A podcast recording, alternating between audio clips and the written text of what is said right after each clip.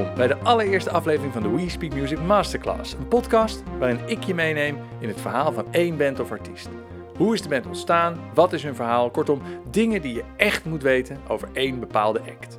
Wil jij reageren op specifiek deze aflevering of andere podcasts terugluisteren? Check dan We Speak Music in jouw eigen podcast-app op SoundCloud, YouTube of ga naar onze website wespeakmusic.tv. Mijn naam is Misha van Horen en vandaag wil ik een van de hot topic bands van dit moment met je bespreken, Gorilla's.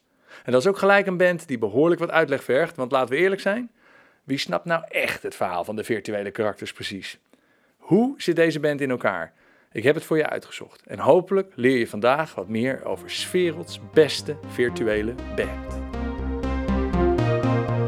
Eerst even wat facts en figures.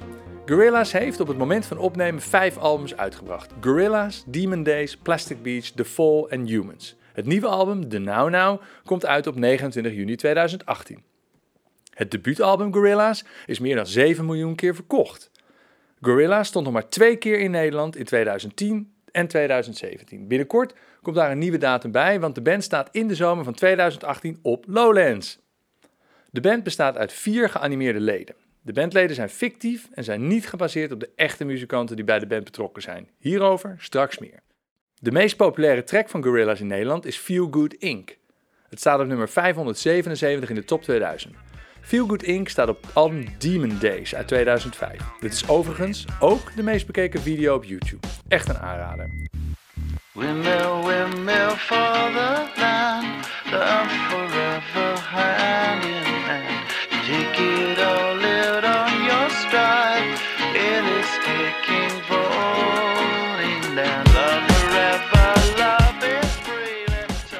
verhaal van Gorillaz te vertellen gaan we even terug naar het begin. In de jaren 90 vierde de Britse rockband Blur hun hoogtijdagen. Het was de tijd van de Britpop en Blur was daar een groot onderdeel van. Blur, die ken je onder andere van dit nummer.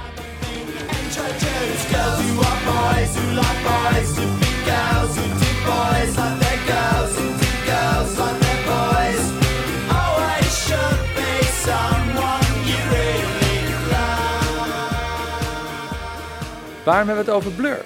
De frontman van Blur is Damon Albarn en dat is het muzikale brein van de Gorillaz. Hij is een van de twee oprichters van de band. Het andere brein, een creatief, een kunstenaar, is Jamie Hewlett. Damon Albarn en Jamie Hewlett ontmoetten elkaar in de jaren 90 via Blur-gitarist Graham Coxon.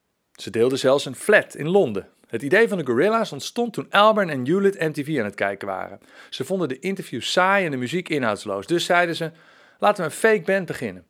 Samen bedachten ze vier fictieve bandleden: 2D, Noodle, Russell Hobbs en Murdoch Nichols.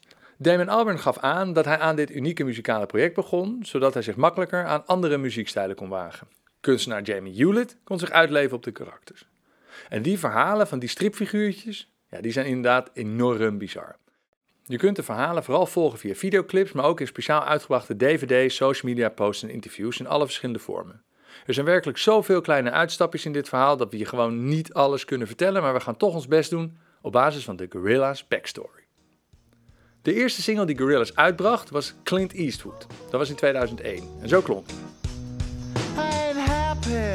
I'm feeling glad I got sunshine in a bag. I'm useless, but not for long the future. De muziek die Gorillaz maakt is niet in één hokje te stoppen. Dat is ook precies dat Damon Albarn wilde.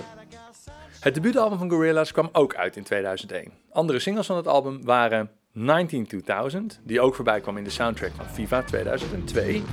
Here you go, get the cool, get the cool Tomorrow Comes Today. Stereo, I want it on. It's taking me far too long. Rock the House.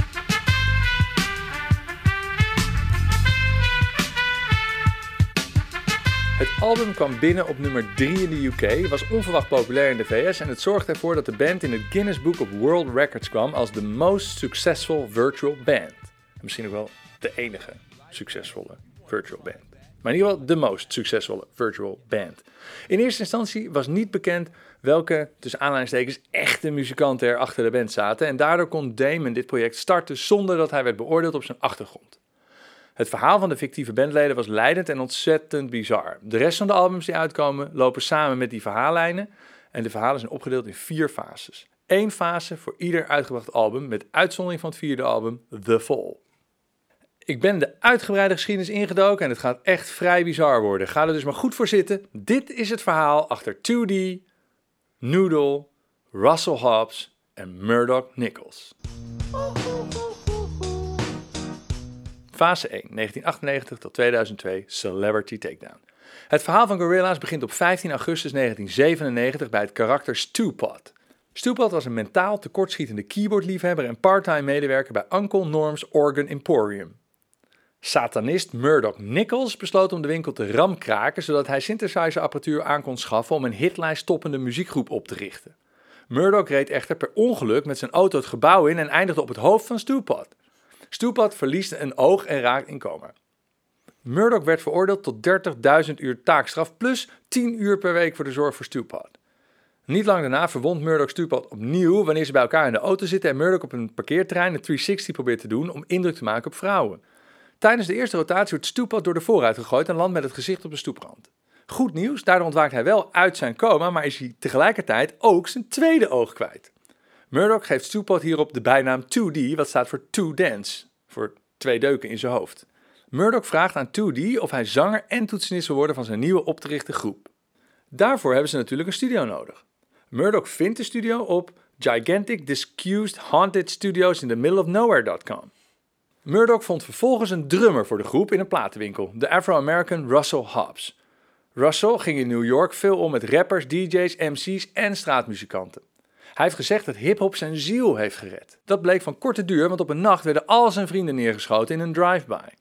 Als enige overlevende absorbeert Russell vervolgens al de zielen van zijn vrienden. En met al deze energie kreeg Russell een ongelofelijke slagkracht. En dat bleek natuurlijk uitermate geschikt voor een drummer.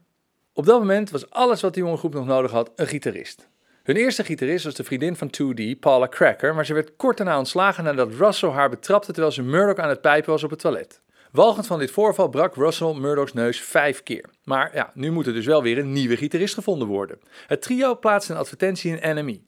De dag dat de advertentie liep, werd een vrachtcontainer uit Japan bij hen thuis afgeleverd en sprong er een mysterieuze achtjarige met een Gibson eruit. Het kleine meisje maakte een onbegrijpelijke introductie in het Japans en knalde erin met een riff to end all riffs. Ze sprak toen één enkel woord in het Engels tegen de verdoofde jongens en dat werd haar naam Noodle. De band is daarna compleet en gaat zichzelf Gorillaz noemen. In 2000 bundelden ze de eerste muziekcollectie op de EP Tomorrow Comes Today en een jaar later verschijnt het eerste album Gorillaz. Fase 2, 2004 tot 2007, Slowboat to Hate. Na de eerste tour gaat Noodle naar Japan om meer te leren over haar afkomst. Tijdens deze reis leert ze om Engels te spreken en daarnaast zelfs elke andere taal die er bestaat. Terwijl de rest andere activiteiten onderneemt, zoals Murdoch, die gevangen zit in Mexico, waar hij later zou ontsnappen, en Russell, die ondertussen wordt bevrijd van zijn demonen. Na haar reis gaat Noodle terug naar Kong Studios voor de opnames van het volgende album. In 2004 is er een grote reunie, zoals het hoort bij muziekgroepen, en Noodle besluit om het volgende album te schrijven, Demon Days. Het eerste lied dat ze schreef was Dare, ook Feel Good Inc., Kids with Guns en El Manana werden grote hits van dit album. Rond 2006 wilde Noodle Gorillaz verlaten voor een pauze. Ze was van plan om meteen na het filmen van de El Manana video te vertrekken. Deze video wordt op 7 maart 2006 geschoten op een zwevend windmoleneiland, maar halverwege de opnames wordt het eiland neergeschoten door handlangers van de Boogeyman. Het lijkt een totaal onverwachte aanval, maar eigenlijk heeft Murdoch voorkennis. Een oude vijand van hem, Jimmy Manson, wil Noodle namelijk vermoorden omdat Manson, die verdacht veel op Charles Manson lijkt, eigenlijk de beoogde gitarist was voor de band. Het lukt Murdoch om mensen om de tuin te leiden en hem op te sluiten in de windmolen, waardoor mensen tegelijkertijd met het eiland neerstort. Terwijl het neerdaalt, zit ook Noodle nog op het eiland. Russell en 2D zoeken haar, maar kunnen haar nergens vinden. Met het wegvallen van Noodle lijkt in 2006 een einde te komen aan Gorillaz. De band is wederom gescheiden. Fase 3, 2008 tot 2012, Escape to Plastic Beach. In 2008 verbrandt Murdoch Gorilla Studios, geeft vervolgens kinderen de schuld van het vuur en incasseert het verzekeringsgeld. Terwijl Murdoch de wereld afreist, ontdekt hij een eiland in het midden van de oceaan dat volledig was gemaakt van aan elkaar gesloten vuilnisbelten. Hij sprenkelt alles felroze en bouwt er een nieuwe Gorilla's hoofdkwartier bovenop. Hij noemt het eiland Plastic Beach. Terwijl hij op het eiland woonde, begon Murdoch aan de productie van het derde album van Gorillaz, maar hij moest wel zijn bandleden nog zien terug te vinden. Gelukkig had hij nog een DNA-monster van Noodle, wat hij gebruikt om een kloon van haar te maken, die tevens fungeert als zijn lijfwacht. De reden dat de kloon van Noodle zo gewelddadig is, is omdat ze als kind is opgevoed om te vechten. Ze is namelijk helemaal geïntegreerd met allerlei vuurwapens, zoals te zien is in de video van Stylo. Vervolgens laat Murdoch 2D vergassen en ontvoeren uit Beirut om mee te nemen naar Plastic Beach in een koffer. Daar wordt hij tegen zijn wil in vastgehouden door Murdoch, die hem dwingt te helpen bij het maken van zijn muzieknummers. In de video On Melancholy Hill leren we ook dat Noodle nog leeft. Ze had een parachute waarmee ze de val van het windmoleneiland, Remember That, had overleefd. Ze wordt echter opgejaagd door piraten, Black Clouds, en het cruiseschip waar ze vervolgens op terecht was gekomen werd weer door bommenwerpers aangevallen, waardoor ze in een reddingsboot op zee terecht kwam. Russell kwam al zwemmend naar Plastic Beach. Maar omdat er zoveel vervuiling was in het water, heeft Russell allerlei afval en giftig water ingeslikt en werd daardoor getransformeerd in een reus. Op weg naar Plastic Beach vindt Russell de op zee gestande Noodle en redt haar. En samen worden ze blijvend herenigd met de rest van de band. Op 5 maart 2010 verschijnt vervolgens het derde Gorillaz album, Plastic Beach. On melancholy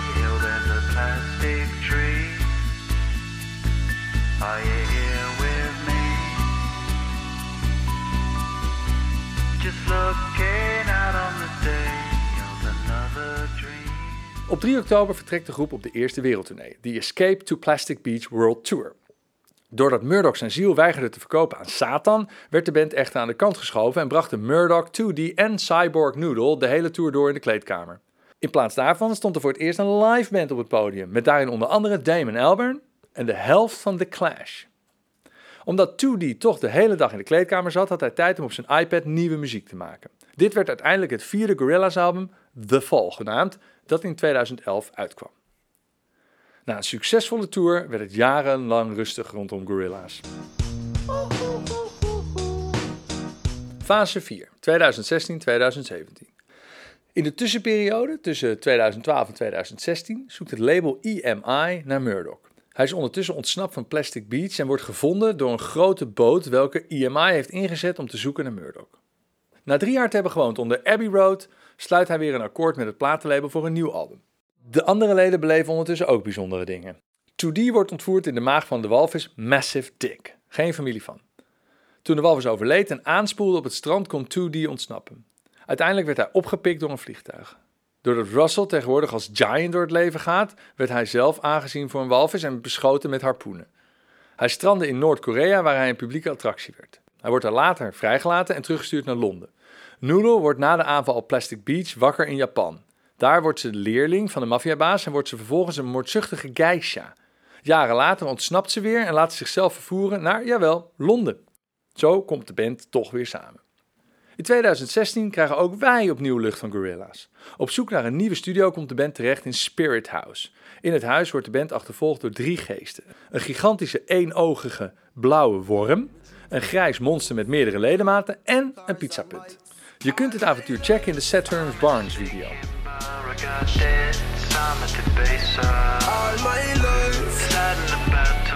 In dit Spirit House neemt de groep het album Humans op, dat uitkomt in 2017. Fase 5, 2018. In de video Strobe Light is te zien dat Murdoch tegen misdadiger El Mierda aan het praten was. El Mierda framed hem niet lang daarna voor smokkel, waardoor Murdoch naar de gevangenis in Londen wordt gestuurd. Nu Murdoch opgesloten zit, besluit de band om hem te vangen door Ace, die je misschien nog kent uit de Powerpuff Girls. De rest van het verhaal rondom de Now moet nog bekend worden in de komende tijd en vooral de komende videoclips. Dat was het behoorlijke bizarre verhaal van de karakters van Gorillaz. En je ziet dus dat dat gelijk loopt met de albums, de video's die ze uitbrengen en al hun andere uitingen op social media. Alles is tot in detail uitgewerkt en dat maakt het verhaal van deze band eigenlijk steeds mooier. Interviews geven ze ook in hun fictieve karakters. Het verhaal blijft maar doorgaan en er komen elke keer weer nieuwe vragen rondom de virtuele band. Wellicht dat die door het nieuwe album de Now Now beantwoord worden. Uiteraard speelt de band ook live en ook dat is een spectaculaire en virtuele show. Op de albums zie je veel samenwerking en producties en bij een live show van de Gorillaz komt dit dan ook allemaal samen. Je hoorde het al in het fictieve verhaal. Tot 2010 waren de bandleden nog verborgen en stonden de hologrammen van hun karakters op het podium. Damon Albarn en de andere muzikanten verborgen eigenlijk hun identiteit. In 2010, tijdens een show in de UK, lieten de bandleden zichzelf voor het eerst zien. Dat doen ze nu nog steeds en tijdens de show zie je achter op de schermen een soort ja, visueel spektakel met de karakters die je kent. De live muzikanten achter de Gorillaz zijn trouwens wisselend. Damon Albarn is het muzikale brein dat altijd blijft staan, maar door de jaren heen zijn er wel wat bandwisselingen. Gorilla speelt de komende maanden op grote festivals door heel Europa, waaronder het Siget Festival in Hongarije, het Nederlandse Lowlands en het Belgische Rock Werchter. We hebben even voor je opgezomd wat zo'n show van Gorillaz nou zo bijzonder maakt. Punt 1. Allereerst de gastoptredens. Hoewel het nieuwe album voornamelijk de vocalen van Damon Albarn zal bevatten, staan op de eerdere albums van Gorillaz heel veel samenwerkingen met veel andere artiesten. Ik noem een De La Soul, Snoop Dogg, Sean Ryder. En het mooie is, ze nemen altijd wat van die artiesten mee op tournee. 2. De prachtige visuals van Gorillaz. Sinds de band zich gereveeld heeft, hoeven ze zich niet meer schuil te houden achter hun hologrammen. Maar de personages spelen nog steeds een grote rol tijdens hun shows. Ook hier wordt het verhaal van de band verder verteld. Dus verwacht een groot scherm achter de muzikanten waar je alles kunt volgen over 2D, over Noodle, over Murdoch en over Russell. 3. Een Gorilla Show in 2018 verschilt enorm van de eerdere shows.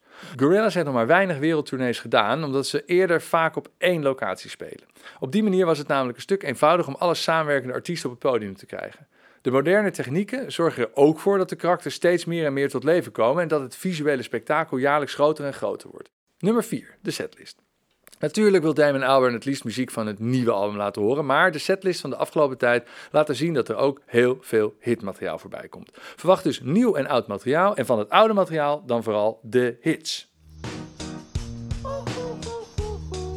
Dit was in het kort het verhaal van Gorillaz. Het verhaal van Damon Albarn en Jamie Hewlett en hun virtuele vrienden 2D, Noodle, Russell en Murdoch. Een band met veel verrassingen en je kunt er nog veel meer over vinden. Ik zou echt zeggen, ik zou het je aanraden, verlies je er eens in. Bekijk alle video's, check de Gorilla fansites en verhalen en geniet ervan. 29 juni komt een nieuwe album uit, The Now Now. En je kunt ze deze zomer dus nog zien op onder andere Rockwerchter, Tsiget en Lowlands. Zit jij nu te luisteren en heb je een artiest of band die je graag wat beter zou willen kennen? Laat het ons weten. Waar moet onze volgende masterclass over gaan?